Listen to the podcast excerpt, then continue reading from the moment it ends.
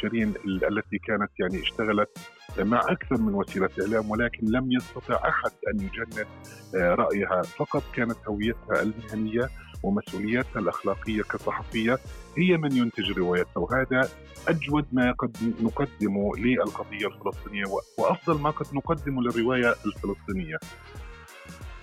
فكأنه يعني الدخول المواطن العربي على محطة الشرطة دائما هو متهم حتى لو إنه هو الضحية. فهذا إيه، جدا جدا جدا بيأثر على عمل الشرطة على إيه، عمل الوحدات الخاصة في الشرطة لأنه بالآخر هاي الناس عناصر الشرطة هم جايين من خلفيات يمينية أغلبها. فما في شعور عند الشرطة إنه هاي هاي وطن إنه إحنا كجزء من هاي الدولة وجزء من هاي اللي الناس اللي إحنا لازم عن جد نحافظ عليها.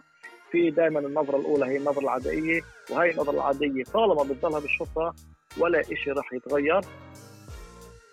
إنه في عنصرية في التعامل معنا إحنا كمجتمع عربي في كل ما يتعلق في قروض الإسكان واضح جدا لما بنحكي على 2% آه، بس من المجتمع العربي. بيوافقوا على مشكنتة أو مبلغ المشكنتة اللي هو لنسبة معينة في بنوك معينة بيحددوا المبلغ الماكسيمالي أو عدد الفروع البنكية اللي بتشتغل فيها أو حتى التعامل آه، البنوكي مع المجتمع العربي كان في مساحة البنك اللي هو أقل 30% من مساحة بنك ثاني. أهلا وسهلا فيكم مستمعينا في حلقة جديدة من بودكاست نهاية الأسبوع من بيت عرب 48 بودكاست يناقش القضايا الاجتماعية السياسية والاقتصادية التي تصدرت الساحة والرأي العام خلال الأسبوع في حديث مع الأشخاص الذين يقفون وراء الخبر. معي بالأستوديو الصحفي طارق طه صحفي في عرب 48 إيش حضرت لنا طارق هذا الأسبوع؟ هذا الأسبوع راح يكون معنا الأستاذ في الإعلام من جامعة بيرزيت الأستاذ صالح مشارقة. لنحكي عن قضية شيرين أبو عاقلة وعن الحالة اللي خلقتها شيرين أبو عاقلة وعن دور الصحافة الصحافي الفلسطيني وعن تأثير اغتيال شيرين أبو عاقلة على إدراك أهمية الصحافة والإعلام الفلسطينيين. إيه، فراح يكون معنا الأستاذ صالح. العنف والجريمة لم تغيب عن حياتنا حتى الآن. هناك تصعيد في حالات العنف وهناك تصعيد في آليات آليات العنف وشراسة الجريمة في الشارع العربي. نحن نستمر في متابعة هذه القضية كما عودناكم دائما. سيكون معنا الصحفي في عرب 48 وصحيفة أرس ضياء حج يحيى في حديث حول أهم المستجدات بما يتعلق في الجريمة والعنف في الشارع العربي. أيضا في نفس المحور سيكون معنا للحديث حول الأزمة الاقتصادية وغلاء آه، المعيشي وغلاء المحروقات والمواد التجارية خصوصا قبل العيد وقبل افتتاح السنة الدراسية سيكون معنا المدرب والمستشار الاقتصادي حسين خلايلي ابقوا معنا في هذه الحلقة. لعله خير.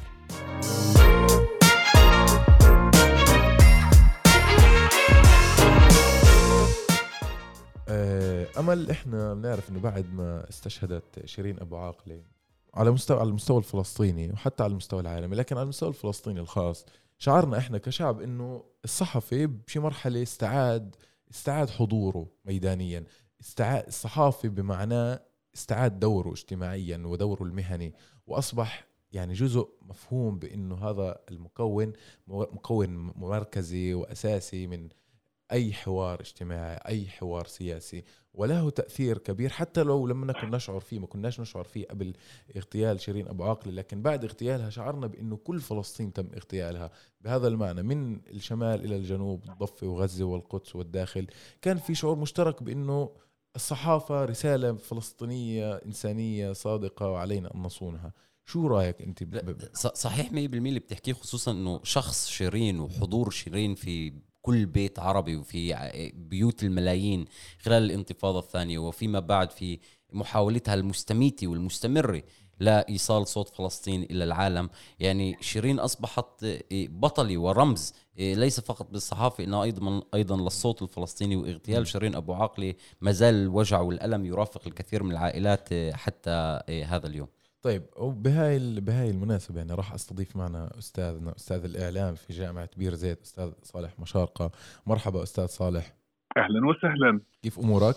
الله يسلمك. أهلا طارق. طيب إحنا عملنا هاي المداخلة القصيرة بس بدي أفوت معك بشكل مباشر على إنه انت كيف قيمت هاي المرحلة تبعت انه بعد ما شفنا انه في تحول بوجه يعني بنظرة العالم إلى الصحفي بشكل عام والصحفي الفلسطيني بشكل خاص في ظل تطور الميديا وتطور أدوات الإعلام والصحافة وبعد ما أجت آه، حالة اغتيال شيرين أبو عاقلة حسينا إنه لا الصحفي الميداني اللي كرس حياته واشتغل بشكل مهني وكتب على الورقة وقدم بروتوكولات قديمة قبل كل التطور التكنولوجي بعد في قيمة اجتماعية الناس بتحتضنها للصحفي بشكل خاص والصحفي الفلسطيني اللي بيحمل قضيه كيف أنت شفت الموضوع بهاي الحالة؟ إيه، اللي عايش آه، أيام أو اللي بيستذكر أيام اغتيال شيرين أبو عاقلة آه، بتذكر كيف كيف استطاعت أن تشكل هذه الصحفية بمسيرتها وباغتيالها وبرحيلها وبخوف كل الفلسطينيين عليها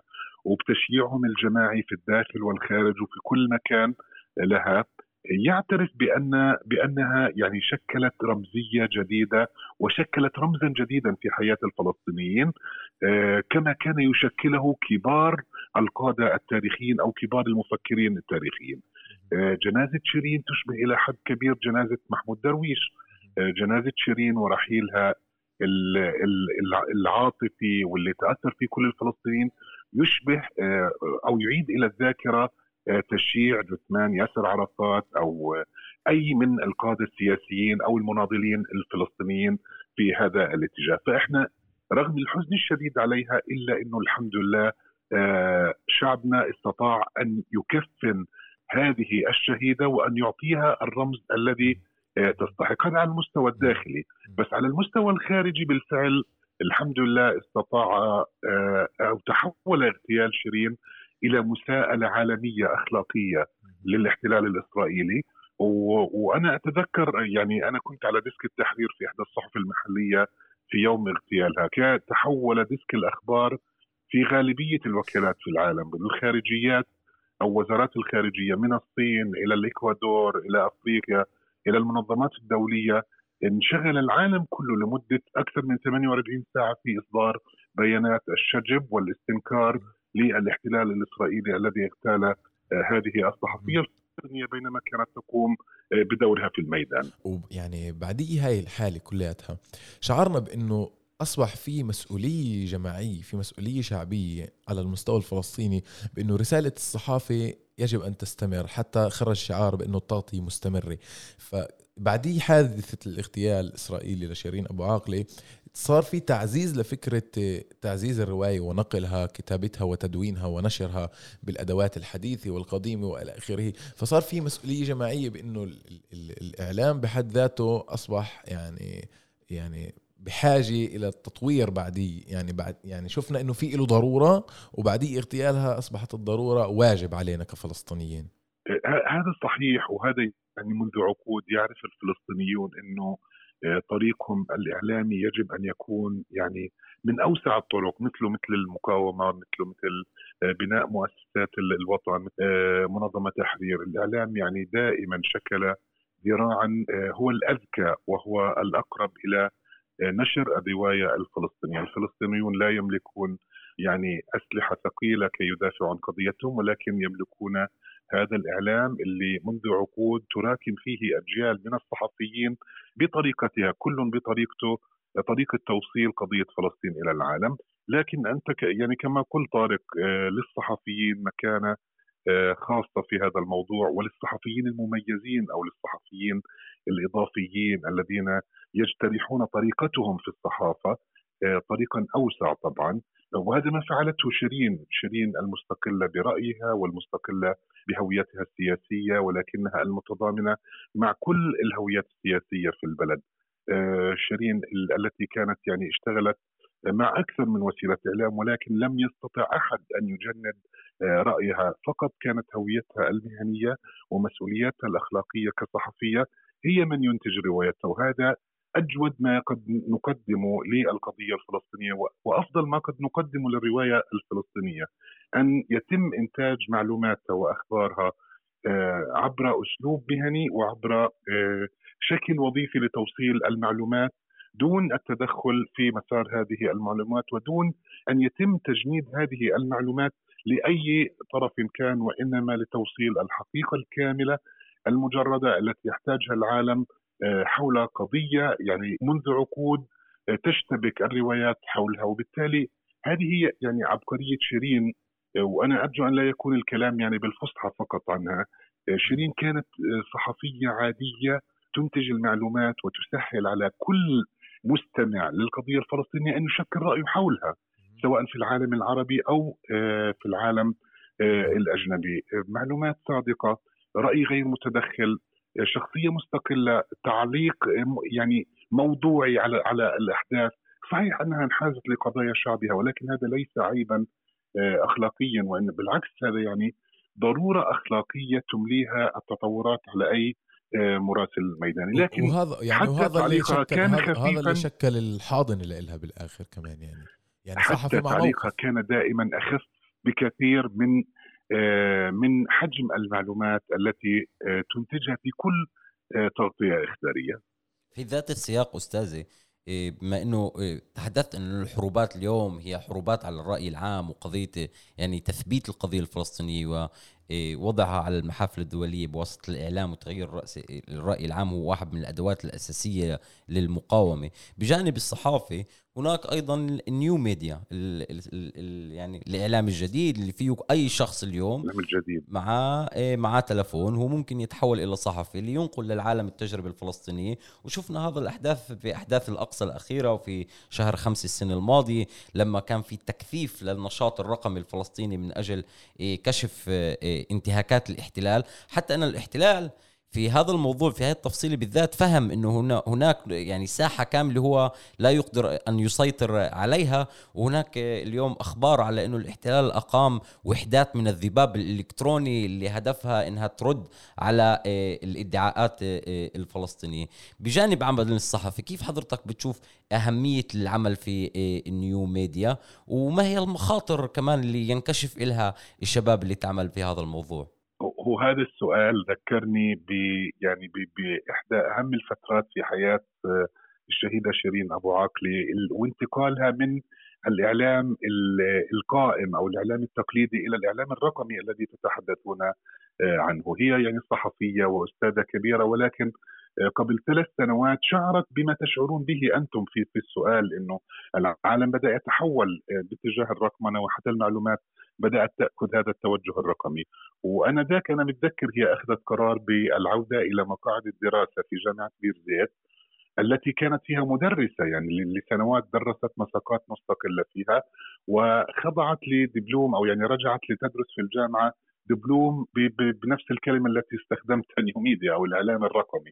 وتدربت على استخدام آه، الموبايل أو إنتاج صحافة الموبايل وعلى تحليل المعلومات وعلى ال ال الإنتاج بال graphics وبالفيديو القصير وبال infographics وكل هذه التقنيات الجديدة. هذا مرة أخرى سؤالك يعيدني إلى شخصية الشهيدة شيرين التي كانت تفهم التحولات التي حدثت في العصر في عصر الإعلام الرقمي. وبغيرة المهنيين والأخلاقيين عادت إلى مقاعد الدراسة وجلست مع مع أجيال أصغر منها آه، بسنوات كثيرة وصادقتهم وكانت أشدهم حضورا آه، لجلسات التدريب وأكثرهم التزاما بالتدريب وحصلت على أعلى علامة في فوج يعني كان في أكثر من 20 صحفيا فلسطينيا من كل الأراضي فهم شيرين لهذا الواقع الجديد من الإعلام درس لنا جميعا إنه لا يجب أن لا نكتفي كفلسطينيين سواء في الأرض المحتلة عام 48 ولا في الضفه ولا غزة ولا في الخارج. بالرواية التقليدية على اعتبار أنها كافية لكي تصل كل العالم وإنما فهم ميكانيزمات الرقمنه هاي اللي في الموبايلات وفي الشاشات وفي الشوارع العامة وفي في جوجل وفي يوتيوب. هذا يملي علينا تغيير طريقة صياغتنا للرواية الفلسطينية كي تصل إلى الأجيال الجديدة من المستخدمين والمشاهدين في كل العالم اللي بينهم وبين الجيل القديم فجوات. الجيل القديم تعود أن يقرأ عن فلسطين من مجلات محكمة من جامعات محترمة في أوروبا وأمريكا اللاتينية والهند والصين لكن الجيل الجديد كله منتمي إلى التطبيقات ومواقع التواصل الاجتماعي وهذا ما يجب أن نشتغل عليه في روايتنا الفلسطينية القادمة إنه أن لا نستسخف هذا الموضوع وأن لا نرى أن لا نرى فيه فقط أساليب إعلامية للتسلية. صحيح في جزء كبير منه للتسلية ولكن في جزء كبير في دور آه، منه للوصول جماعية. للوصول إلى أكبر قدر من الجمهور في هذا الاتجاه. طيب أستاذ صالح بدي يعني بدي أنهي معك بسؤال هيك بسيط. بما إنه عم نحكي عن شيرين أبو عاقلة وقضية الصحافة الفلسطينية بدنا نحكي عن الأكتوال عن عن الحدث الجاري. هسه عن إنه السلطة الفلسطينية مؤخرا عملت آه، سلمت ال- الرصاصة إلى الجانب الأمريكي وعملت والجانب الأمريكي اجرى فحص باليستي وإلى آخره. إحنا كفلسطينيين بالآخر شو اللي بهمنا؟ شو المرجو؟ شو المرجو من هاي القضية هل إحنا بدنا نثبت عدالة؟ يعني خصوصا إنه السلطة الفلسطينية بتح يعني بتحقيقها الداخلي قالت إنه في استهداف مباشر من قناص جندي إسرائيلي وبفكر إنه هالموضوع كمان تصريحاتها اتهمت إسرائيل بشكل و- و- مباشر. آه واتهمت إسرائيل بشكل مباشر. لكن هل إحنا بنرجو كفلسطينيين بنرجو شيء من هذا الموضوع أم إنه إحنا آه، يعني رسالتنا كانت آه، مدوية وصلت للعالم في يوم اغتيال شيرين وإلى اليوم؟ يعني شو إحنا بنرجو من من الحدث الجاري هسه أنا أنا نصيحتي أن لا نعول على أي تحقيق آه، سياسي في هذا الموضوع سواء آه، وهذا ليس تق- تقليلا من شأن المطالبة بتحقيق دولي لا من قبل السلطة الوطنية ولا من قبل آه، منظمة التحرير أو الأحزاب السياسية الفلسطينية أو المجتمع المدني الحقوقي الفلسطيني. بس أنا يعني متشائم في هذا الموضوع لأنه إحنا منذ عقود نركض في هذا الملف اللي هو محاكمة الإسرائيليين وتأتينا يعني يتم تصبيرنا ويتم وضعنا على الرفوف و ومن هذا الباب أنا أنا مع فكرة أخرى تماما أو مسار آخر من الإنجاز في ملف شيرين أبو عقلي آه، نراهن فيه على الشعب على الأكاديميين على الصحفيين على الشباب على النشطاء على الذاكرة الذاكرة ال- الوطنية إنه بترسيخها آه، طويلا في ذاكرة هذا الشعب وفي فعله وفعالياته. وهذا حدث بالفعل في الجامعات اقترحوا آه، كراسي علمية باسمها آه، في النقابات والمؤسسات اقترحوا جوائز باسمها آه، في العمل المدني الكل يحفظ اسمها ويدخلها. في البرامج والمشاريع. في ال- في الذاكرة الوطنية الجيل يعني الحمد لله يعني شرب الحزن فيها وأنا متأكد إنه يعني يحتاج إلى عقود طويلة ولن ينساها. على هذا أعول على على المسار الثاني مسار الذاكرة الوطنية وترسيخها في الذاكرة الوطنية بالتخليد اسمها في في الأكاديمية الصحفية الفلسطينية تخليد اسمها عبر الجوائز وعبر المبادرات الشبابية. آه، المضي باسمها وبسيرتها طويلا لإنتاج كتب وأبحاث آه، وسير آه، حولها. لأنه مرة أخرى التعويل على السياسيين في هذا الموضوع أخشى ما اخشى أن نعود إلى يعني نفس المنطقة التي كنا نفشل صحيح. فيها. بسبب النفاق الأوروبي والنفاق العالمي في هذا الموضوع. 100% فالأفضل ان نبقي الذراع هذا أفضل مفتوحة لاستنهاض ذاكرتها. يعني بهذا الجانب. أفضل شيء أنه التعويل على الذاكرة وعلى ممارستنا كشعب كيف نحيي رموزنا نحيي رموزنا ونحييها إيه، ونحافظ على الذاكرة وعلى تطوير أدواتنا الخاصة بالحقول اللي أنت تحدثت عنها. أستاذ صالح يعني بدي أشكرك ش- جزيل الشكر على المداخلة الرائعة. فعلا إيه، مداخلة كنا بحاجة نسمعها ونسمع عن إيه، من شخص من مثل حضرتك يحكي لنا عنها. إيه، فبدنا نشكرك لك. كثير على حضورك معنا. شكرا جزيلا طارق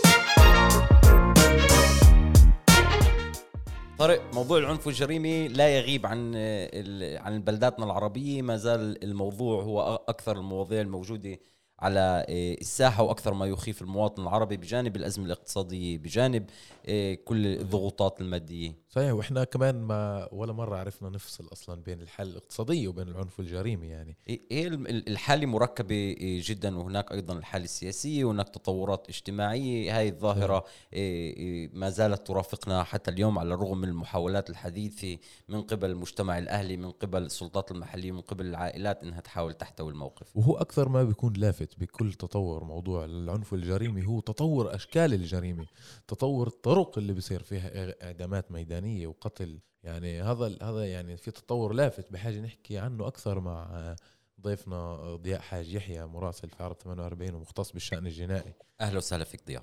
أهلا وسهلا. طارق وأمل وكل المستمعين. خلال الأسابيع والأشهر الأخيرة سمعنا كثيرا عن خطط حكومية عن خطط محلية عن خطط في داخل البلدات العربية حتى أن الشرطة يعني سارعت وأعلنت انتصارها على العنف والجريمة وقالت أنه نجحنا في خفض معدلات الجريمة في 30% لم تمر عدة أيام على هذه التصريحات وإذ إحنا نشوف اغتيالات في داخل البلدات العربية قتل من قبل الشرطة في مجد كروم محاولات اغتيال في بلدات أخرى عدا عن أنه صوت طلقات النار لن يغيب عن بلداتنا العربية.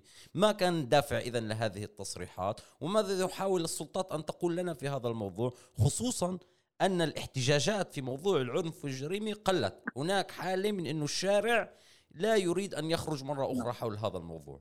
نعم يعني آه، كانت الشرطة اولا خلينا أتطرق يعني لاخر شيء أنت قلته هو إنه الاحتجاجات هي للأسف الشديد مش بس على قضية الجريمة يعني اختفت حتى في أوامر الهدم. إحنا بنشوف في أمل يعني في منطقة المثلث على سبيل المثال هدم أربع منازل في في الشهر الأخير. ما شفناش مظاهرة واحدة ولا حتى وقفة صغير فهذا التراجع الشعبي في الجريمة إيه، وأيضا في كافة القضايا. بداية طبعا إيه، قضية الجريمة للأسف الشديد أيضا في الفترة الأخيرة يعني وكانه الناس يعني أصبحت إيه، أو سلمت وحتى بدناش نقول الناس على الأقل. حتى يعني القوى الوطنية والشعبية ما بتشوف يعني غير إنه بيان هان أو بيان هناك وكان في حالة من الاستسلام يعني.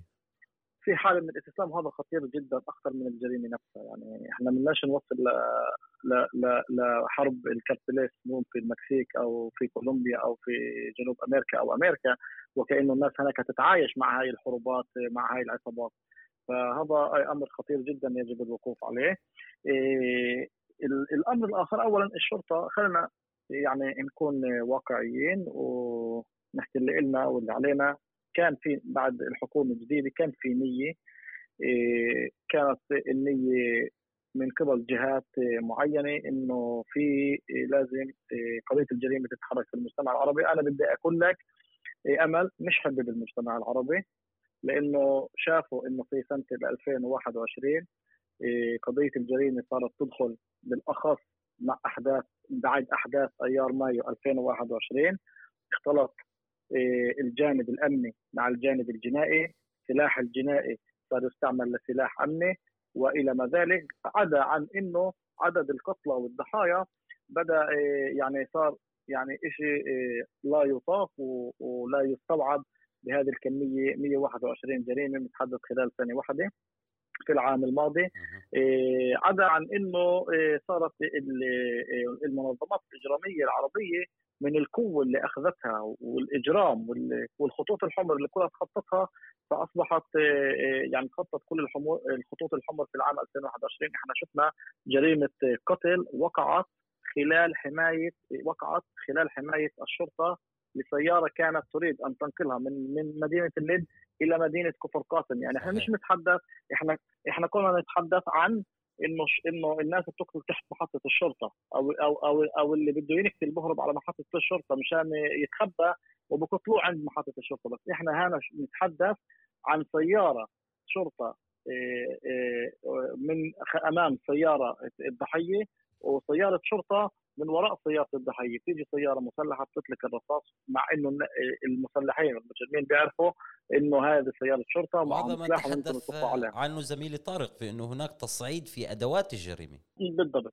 مش بس في الأدوات حتى إنه يعني وكانه إنه خلق إحنا يعني آه، البوليس تحول بالنسبة لنا هو هو شيء هواء يعني إيه، هباء منصورا يعني هو بنشوف بنشوفوش أصلا ليش؟ لأنه بضرناش ولا راح يضرنا ولا راح يأثر علينا إيه، إذا بدنا نساوي جريمتنا فهاي بدها تتخطى كل الخطوط الحمراء وهي يعني هاي اتعدت إيه، الدولة أو الحكومة الإسرائيلية حسبتها وكأنها تعدي على السياسة ممكن نعم. ضياء نطلع على هالموضوع من جانب آخر كمان إنه في مرحلة من المراحل كان في وكانه مطالبة بالشرطة بالتدخل توقف شلال الدم وإلى آخره. اليوم صار في تحول بالشعور في تحول بالعلاقة اللي فيها أصلا يعني هي عدم ثقة قائم من زمان. لكن اليوم في تعزيز لعدم الثقة خصوصا لما بنسمع في تسريبات من أجهزة الشرطة داخليا بين المخابرات وبين الشرطة بإنه في تعامل مع عصابات الإجرام ومع رؤساء عصابات الإجرام وفي علاقة مباشرة إما بين المخابرات وهذول ال- الأطراف وإما الشرطة بتتهم المخابرات المخابرات بتتهم الشرطة وبالآخر هن كلهن جهاز واحد هذا كله عزز لنا نعم. الشعور بعدم الثقة اللي هو مكان اللي كان موجود من الأساس بس عزز هذا الشعور إحنا كمان مرة ما ولا مرة حاولنا نسلم مع فكرة إنه في نوايا سياسية من حكومة لتغيير وضع قائم مثل ما حكى أمل إنه لطالما هذا الوحش عم بخدش أو عم بجرح المجتمع المهيمن أو المجتمع المسيطر اللي هو المجتمع الإسرائيلي بدأ هناك تفكير لمحاولة معالجة قضيه الجريمة من ناحية تقنية ومش من ناحية بنيوية. فإحنا لازم كمان. يعني إحنا كمان نكون متبعين مع هاي النقطة منيح. صحيح يا طارق. اولا حتى بنيه يعني طبعا علاقة الشرطة آه، مع المجتمع العربي مثل ما انت ذكرت هذا صحيح جدا. آه، الثقة في الشرطة بينزل بين كل فترة وفترة. حتى يعني حتى آه، في غضون الخطة اللي آه، اجى فيها آه، يوآف سيجلوفيتش اللي هو آه، نائب وزير الأمن الداخلي. آه، خطة آه، مسار آمن مسلول بتوح اللي يعني حتى في وقتها الناس ما كانت عندها ثقة بالشرطة وما ما زادت ثقتها بالشرطة. يعني هذا الأمر بدل عن عن عدم عن عن عدم الثقة وإنه حتى استرجاع الثقة يعني مش رح يجي بتقليل الأرقام تقليل عدد الجرائم أو تقليل أو لم السلاح أو لم طبعا عدا انه هاي لم السلاح كلها أمور صورية عن لم عن تقليل عدد جرائم القتل أو الجرائم إطلاق الرصاص. ولكن الأمر الآخر إنه لا تنسى إنه الجانب السياسي له والجانب القومي له يعني جانب مهم جدا اللي بيعزز عدم الثقة بهذه الشرطة. يعني على سبيل المثال في إحدى الجلسات كان هنالك إحدى جلسات الامن أنا كنت فيها في الكنيسة بيقولوا إنه إحنا بدنا نرفع الثقة في في الشرطة لازم نفوت شرطي عناصر شرطة عرب لازم نعمل اجتماعات في داخل الأحياء العربية.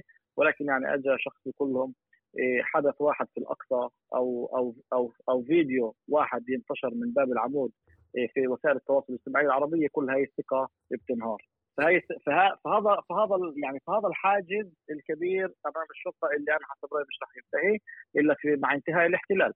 في كان أنا قرأت مرة إحدى الأبحاث بروفيسورة لكريبولوجيت عملت لعلم الإجرام عملت بحث عن عناصر الشرطة صارت على محطات الشرطة صارت تسأل بعناصر الشرطة لما يجيك عربي يتشكى على أي قضية معينة. كيف أنت بتشعر؟ 70 بال... وطبعا قارنت بين بحث عملته على نفس الشرطية لما يجي مواطن يهودي ف 70% من عناصر الشرطة اللي جاوب على هاي الأسئلة من حسب استبيانها النفس لعلم النفسي لعناصر الشرطة إنه 70% من عناصر الشرطة أصلا بتخيلوش إنه هذا المواطن العربي هو هو متشكي أو هو مظلوم أنت فاهم؟ فكأنه يعني الدخول المواطن العربي على محطه الشرطة دائما هو متهم حتى لو إنه هو الضحية. فهذا جدا جدا جدا بيأثر على عمل الشرطة على عمل الوحدات الخاصة في الشرطة لأنه بالآخر هاي الناس عناصر الشرطة هم جايين من خلفيات يمينية أغلبها من خلفيات اللي هم بتشبعوا منها من زغرة من المدارس من البيئة اللي هم موجودين فيها. وهذا الشيء بيأثر على عملهم بشكل كبير. حتى يعني حتى إنه يصل إلى حتى لكبار عناصر الشرطة أو كبار المحققين أو كبار اللي بيشتغلوا المحققين بيشتغلوا في الميدان على إنهم يجمعوا سواء كان ذلك أمل من جمع ادله من مسرح الجريمة من تعقب المجرمين من من تعقب تجار السلاح وكل هاي القضايا. فما في شعور عند الشرطة إنه هاي هاي وطن إنه إحنا كجزء من هاي الدولة وجزء من هاي اللي الناس اللي إحنا لازم عن جد نحافظ عليها. في دائما النظرة الأولى هي النظرة العدائية وهي النظرة العاديه طالما بتضلها بالشرطة ولا شيء راح يتغير. إضافة على ذلك برضه شيء مهم كان أيضا بعض الاستفتاءات حتى خلال انخفاض الأرقام في نقول من شهر من شهر أربعة قبل ما تبدأ هاي التصعيد من شهر أربعة من شهر يعني من شهر 12 لشهر أربعة أربع شهور كان انخفاض تام كان انخفاض كبير عن جد يعني بعدد الجرائم طبعا له أسباب وكان انخفاض أيضا بعدد حتى البلاغات عن إطلاق الرصاص في بعض البلدان كان هنالك انخفاض ولكن حتى مع هذا الانخفاض كان هنالك استفتاء وغالبية المجتمع العربي جاوبوا إنه هم لحد هاي الفترة ما بيشعروا بالأمان يعني رغم كل انخفاض هاي الأرقام.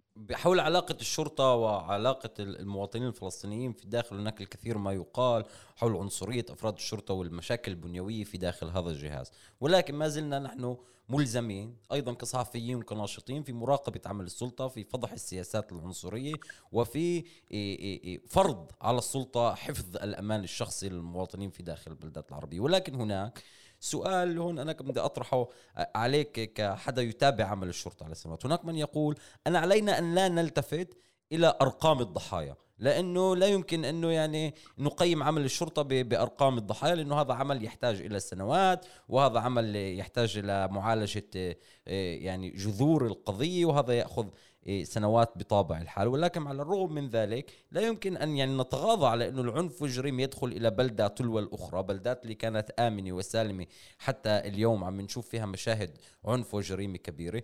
فحسب رأيك هل موضوع عدد الضحايا. يجب أن نأخذ بالحسبان وهو يعني البارامتر الأساسي اللي يجب حساب نجاعة عمل الشرطة بحسبه. أم أن هناك أشخاص متورطين في عالم الجريمة الذي لا يمكن إنقاذهم وأصبح موتهم يعني شيء محتوم خصوصا أنه هن حاملين يعني روحهم على كفهم لما دخلوا على هذا الموضوع.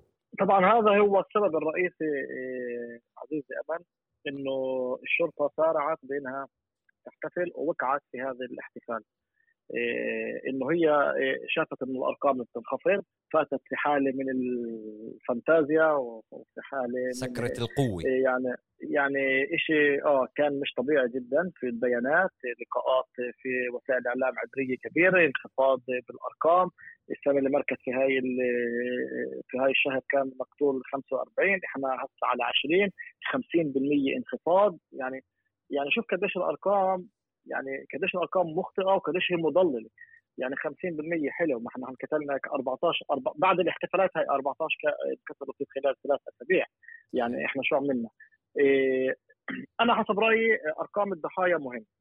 إيه في فرق بين ما 80 عائله يتيتم أو 70 عائله يتيتم أو 120 أو 140 عائله أو 20 عائله أو 30 عائله فانخفاض الأرقام يدل حقيقة على إيه على إيه، على أعمال على إجراءات إيه، تقوم بها الشرطة وقوات الأمن لكبح كبح جماح الجريمة ولكن ولكن عزيزي أمل هاي الأرقام لا تقاس بأربع شهور ولا بستة شهور ولا حتى بسنه هاي الأرقام تقاس بخلال سنين معينة. بدك تقيسها مع السنين اللي كانت وتعرف أنت شو عملت شو الخطط اللي كانت وشو الخطط اللي أنت عملت جيت فيها انك قللت الرقم من 120 مثلا ل 70 يعني بيجيش أنت بأربع شهور إنه أنت كل هال كل هال كل هالفوضى اللي عملتها راحت يعني أجتك وكأنها زي القنبلة كانت للشرطة كل شهر حزيران كان كله للشرطه بوجههم فكع يعني أنت كل هالاحتفالات بوم 14 قتيل خلال ثلاثة أسابيع. فالشرطه يعني مشان نقيس اولا عمل الشرطة وهي الشرطة إيه، إيه، نقول مش اخطات هي كانت عارفة إنها بدها هاي الفانتازيا وبدها هاي إيه، إنه الناس تحكي عنها والناس تقول وإنها إجت ولانها حكومة جديدة ولكنه لأنها كانت معلنة عن خطط وعن ميزانيات فكانت بدها هذا الأمر من جانب سياسي اولا مشان تروج لحالها ثم لأنه الشرطة مشان تقول إنها جهاز يعني قوي. ولكن إيه، الأمر الآخر والمهم هو إنه هاي الخطط لا تقاس بهاي السنة وهنالك أمر خطير. يعني إحنا هسه على باب تبديل حكومة ثانية ممكن هاي الميزانيات اللي خصصت للشرطة إيه، تختفي مع الوقت أو مع الحكومة القادمة. ونرجع نرجع لسابق عهدنا أنا حسب رأيي أيضا خطة بالضبط. وممكن ممكن أنا أمل ممكن إنه إذا فلتت الأمور يعني أنا بتمنى إني أكون مخطئ.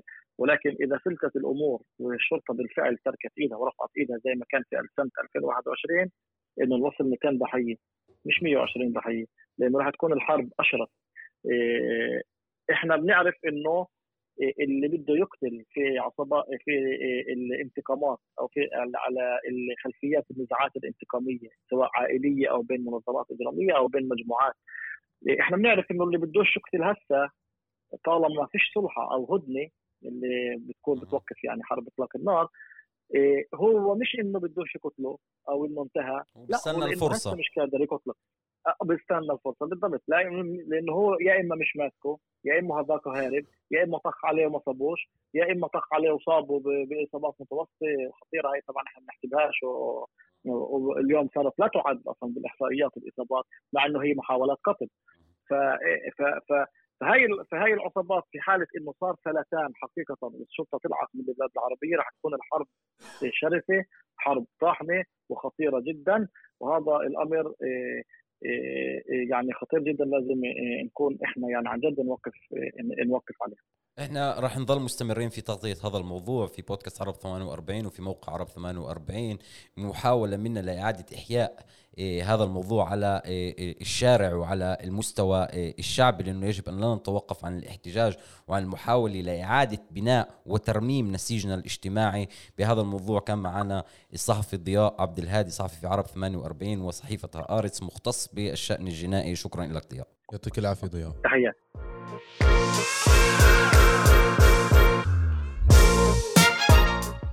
طارق شو أكثر موضوع اليوم بنفتح على الطاولة بالعائلة العربية؟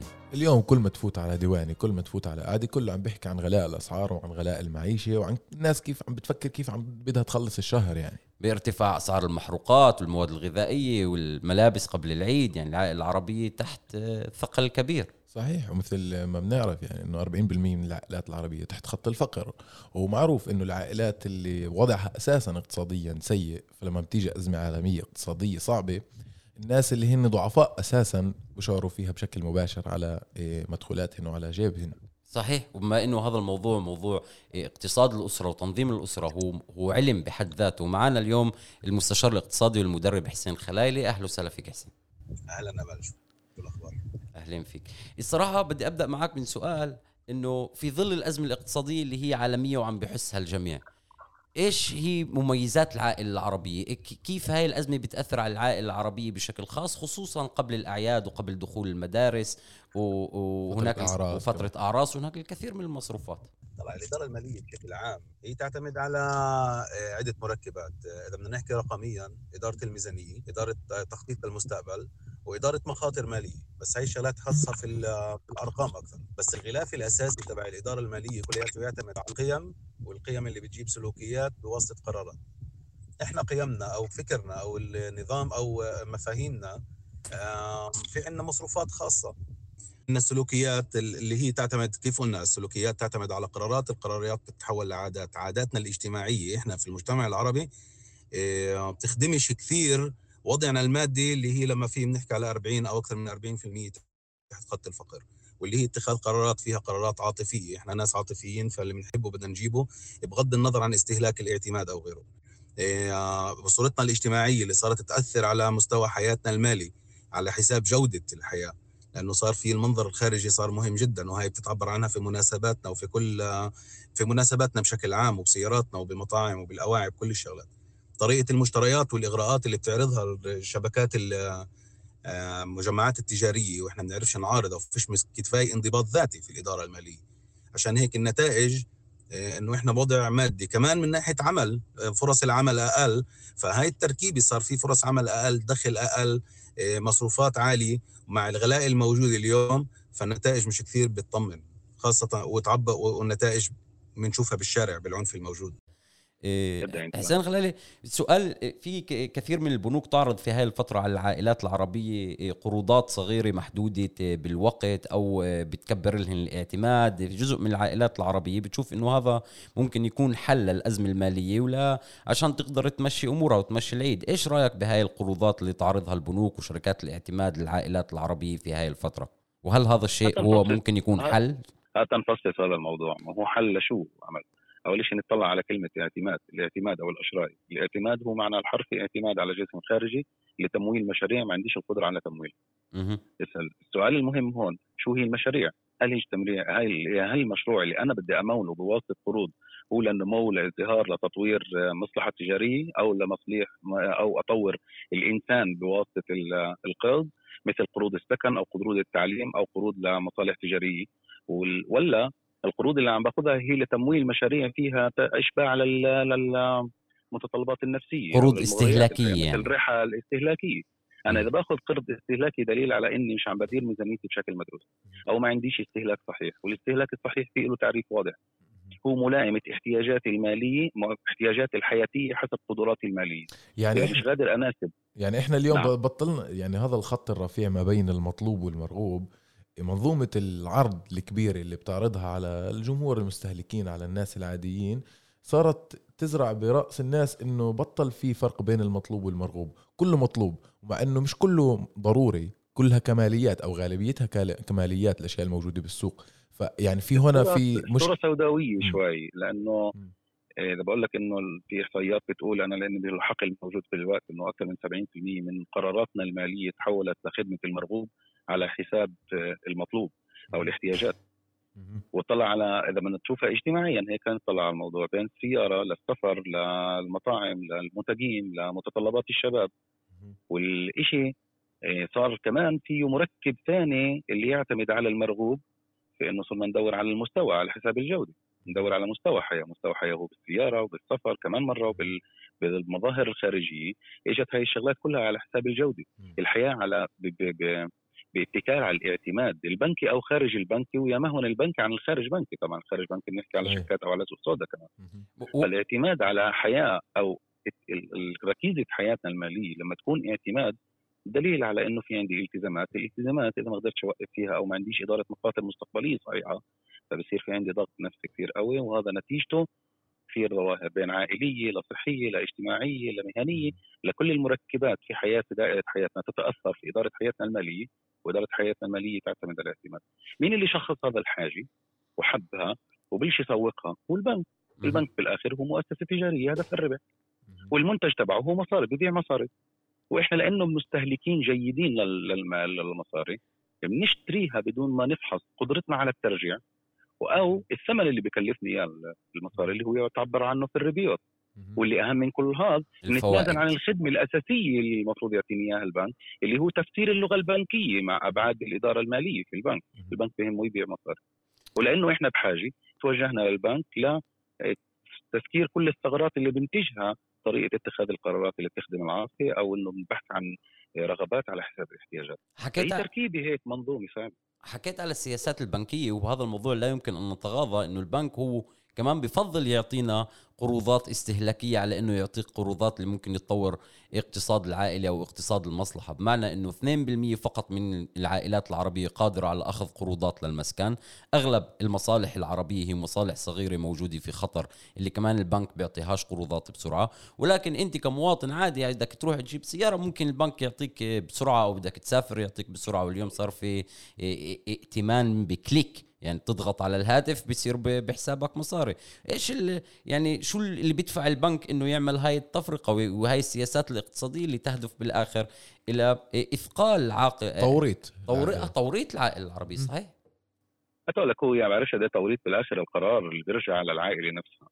إنه في عنصرية في التعامل معنا إحنا كمجتمع عربي في كل ما يتعلق بقروض الإسكان واضح جدا لما بنحكي على آه، 2% بس من المجتمع العربي اللي ب- بوافقوا له على مشكنتة أو آه، مبلغ المشكنتة اللي هو آه، لنسبة معينة في بنوك معينة بيحددوا المبلغ الماكسيمالي أو عدد الفروع البنكية اللي بتشتغل فيها أو حتى آه، تعامل البنوك مع المجتمع العربي كان في مساحة البنك اللي هو أقل ب 30% من مساحة بنك ثاني.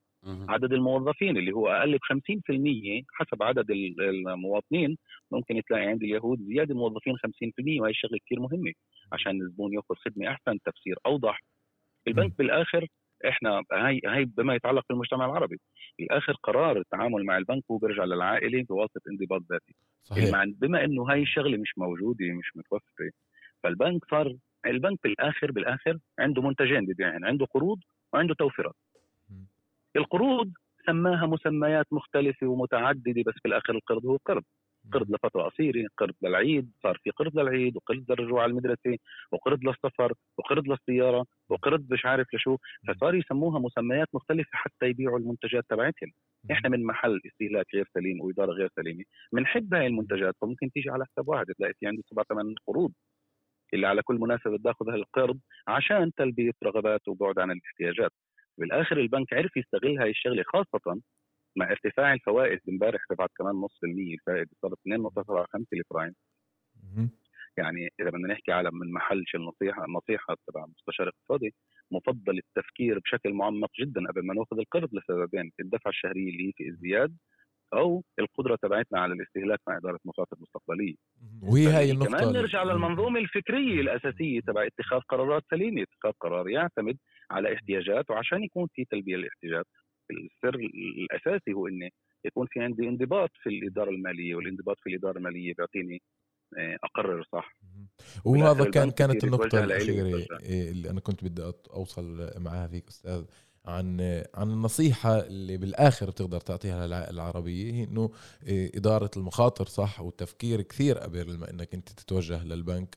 وخصوصا إحنا بنحكي عن حالة إنه البنك مش يعني كمان مرة مش دائما بيعطي العائلة العربية وإذا بيعطيها بيعطيها بشروطه العالية والمثقلة عليهن.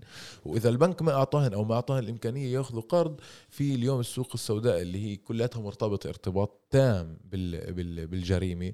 وفي يعني هذا السوق كثير شروطه أسهل اسهل من ناحية إنه يعطي القرض لكن شروط إرجاعه بنعرف شو عم بتوصل للعائلات من ناحية آه، دمار وخراب بيوت فعلا مثل ما عم نشوف وجريمه وقتل. فإنه شو البديل وكأنه بهاي الحالة؟ طلع إحنا إحنا آه، موضوع السوق السوداء هو له علاقة مباشرة مع كل ما يتعلق بإدارة الحياة المالية اليومية. يعني إذا بدنا نطلع على بدنا نحكيها من محل نصيحة النصيحه الأساسية اللي هي فيها مركب أساسي. آه، لكل ما يتعلق بإدارة الميزانيات من طفل عمره 10 سنين ولد عمره 10 سنين حامل 10 شيكل أو شركة أو عيلة نفس الشيء إدارة ميزانية، إدارة ميزانية تعتمد على تسجيل الدخل والمصروف ومحاولة تصحيح خلق خلق أو نخلق صورة للوضع الموجود عندنا وتحديد أهداف مستقبلية اللي هي تعتمد على المنشود، فعند الموجود والمنشود بواسطة إدارة ميزانية سليمة. بما إنه إحنا ما عندناش هذا الفكر أو التسجيل للمصروفات اليومية مع تصحيح في المصروف عشان اوقف الميزانية والمتطلبات العاطفية اللي هي بتخدمني كمان لصورة اجتماعية أو لتلبية رغبات توجهنا للبنك فاستهلكنا كل الاعتماد البنكي. متجرة أشراي اللي هي إطار الاعتماد مع كل الفوائد العالية تبعته. كل القروض اللي ممكن أستهلكها من البنك. وبعدين البنك بطل يوافق. يعطيني فطلعنا على الاستهلاك على الاعتماد الخارج بنكي مثل قروض الاعتماد الخارجية أو تموين سيارة من مصدر خارجي مثل باما ومثل ميمون يشير ومثل أنا عارف شكات كمان تعتبر اعتماد. ولما انضغطنا وبطلنا نقدر نوقف كل هاي الالتزامات اجى موضوع السوق السوداء. وهي هي أنا بسميها في عندي عنوان للموضوع هيك إنه إحنا عايشين في وفرة مزيفة. الوفرة المزيفة خلتنا نتوجه للسوق السوداء والسوق السوداء بالآخر كمان هو منتج اعتماد أشراي موجود بالسوق. اللي مين اللي بتوجه له؟ ولا مره سمعنا حدا من تبعون السوق السوداء اجى واحد سحب واحد من بيته وقال له مجبور تأخذ قرض. بس شو اللي اضطرنا ناخذ قروض من السوق السوداء هو تسكير الاعتماد البنكي والالتزام في ستاندرتم أو بمستويات اجتماعية عشان نحافظ على صورتنا. شو النتائج كانت؟ حالات العنف اللي عم نشوفها اللي هي كل 95% أنا حسب رأيي. ما بعرف قد إيه دقيق بس هيك بشوف الشيء من حالات العنف اللي عم نشوفها مجتمعنا تعتمد على على الإدارة المالية. لا لا شك إنه في في إرتباط. المخدرات السلاح في في علاقة واضحة جدا. في طيب كمان مركبات بس إنه علاقة المال في العنف الموجود اليوم والسوق السوداء والخاوة والسلاح وحتى علاقة وثيقة. في كثير شغلات. في علاقة مباشرة قوية جدا. فإدارتنا المالية اللي تعتمد على وفرة هاي الوفرة اللي هي مش حقيقية. هي جابت نتائج كارثية. في التعامل مع مع البنك. إذا بنقول في كمان نقطة مهم جدا يا جماعة. 63% من المديونين في الهوتا الافوعل من عمر 18 ل 25 سنة في الدولة هن من الوسط العربي. في عندنا قرى عربية مثل جسر الزرقاء اللي فيها 38% من من السكان عندهم تكين في الهوتا الافوعل فالشيء فيه فيه أبعاد ومركبات كثير. صحيح صحيح. وهي كلياتها تعتمد بالآخر نصيحة الإدارة المتوازنة. إدارة متوازنة تعتمد على تسجيل المصروف والدخل وبقول لك المثل اللي عد فراشك من دجريك طبعا إحنا ضد هذا المثل. أنا بدي فراشي على الدجري أشتغل أكثر. أمول مشاريعي من جيبتي مش من البنك. أشتغل وأشد حالي ويكون في عندي دخل. وساعتها بعيش على مستوى عالي؟ مع جودة عالية. إحنا المستوى العالي اليوم في مجتمعنا اجى حسب الجوده في ضغط نفسي قوي. في عنف. في مشاكل. وهو بشكل كله بلا نرجع الكلمة الأساسية. إدارة ميزانية متوازنة تعتمد على انضباط ذاتي. اني امنع نفسي عن ألبي الرغبات على حساب الاحتياجات. ومن هنا بتبلش تتشعب كل الأدوات الإدارية تحت هذا العنوان. بهاي يمكن بهاي الكلمات أفضل كلمات نختم فيها مقابلتنا لهذا الأسبوع. كان معنا المستشار والمدرب الاقتصادي حسين خلايل المجد كروم. كل عام وأنت بخير ويجعلها يعني أيام مليئة بالبركات وبالإدارة السليمة لعائلاتنا العربية. شكرا جزيلا. إن شاء الله وكل عام وأنتم بخير وشكرا على الاستضافة شباب وبالنجاح المستمر إن شاء الله. تسلم. يعطيك يعطيك العافية. يعطيكم العافية. إلى اللقاء. وبهذا نصل أصدقائي وزملائي لنهايه حلقتنا. لا تنسوا متابعتنا على جميع تطبيقات البودكاست وحتى الحلقة القادمة لعله خير. ونتمنى لكم يا جماعة الخير كل عام وأنتم بألف خير بمناسبة عيد الأضحى المبارك. من طاقم عرب 48 بنتمنى لكم كل الخير وأضحى مبارك.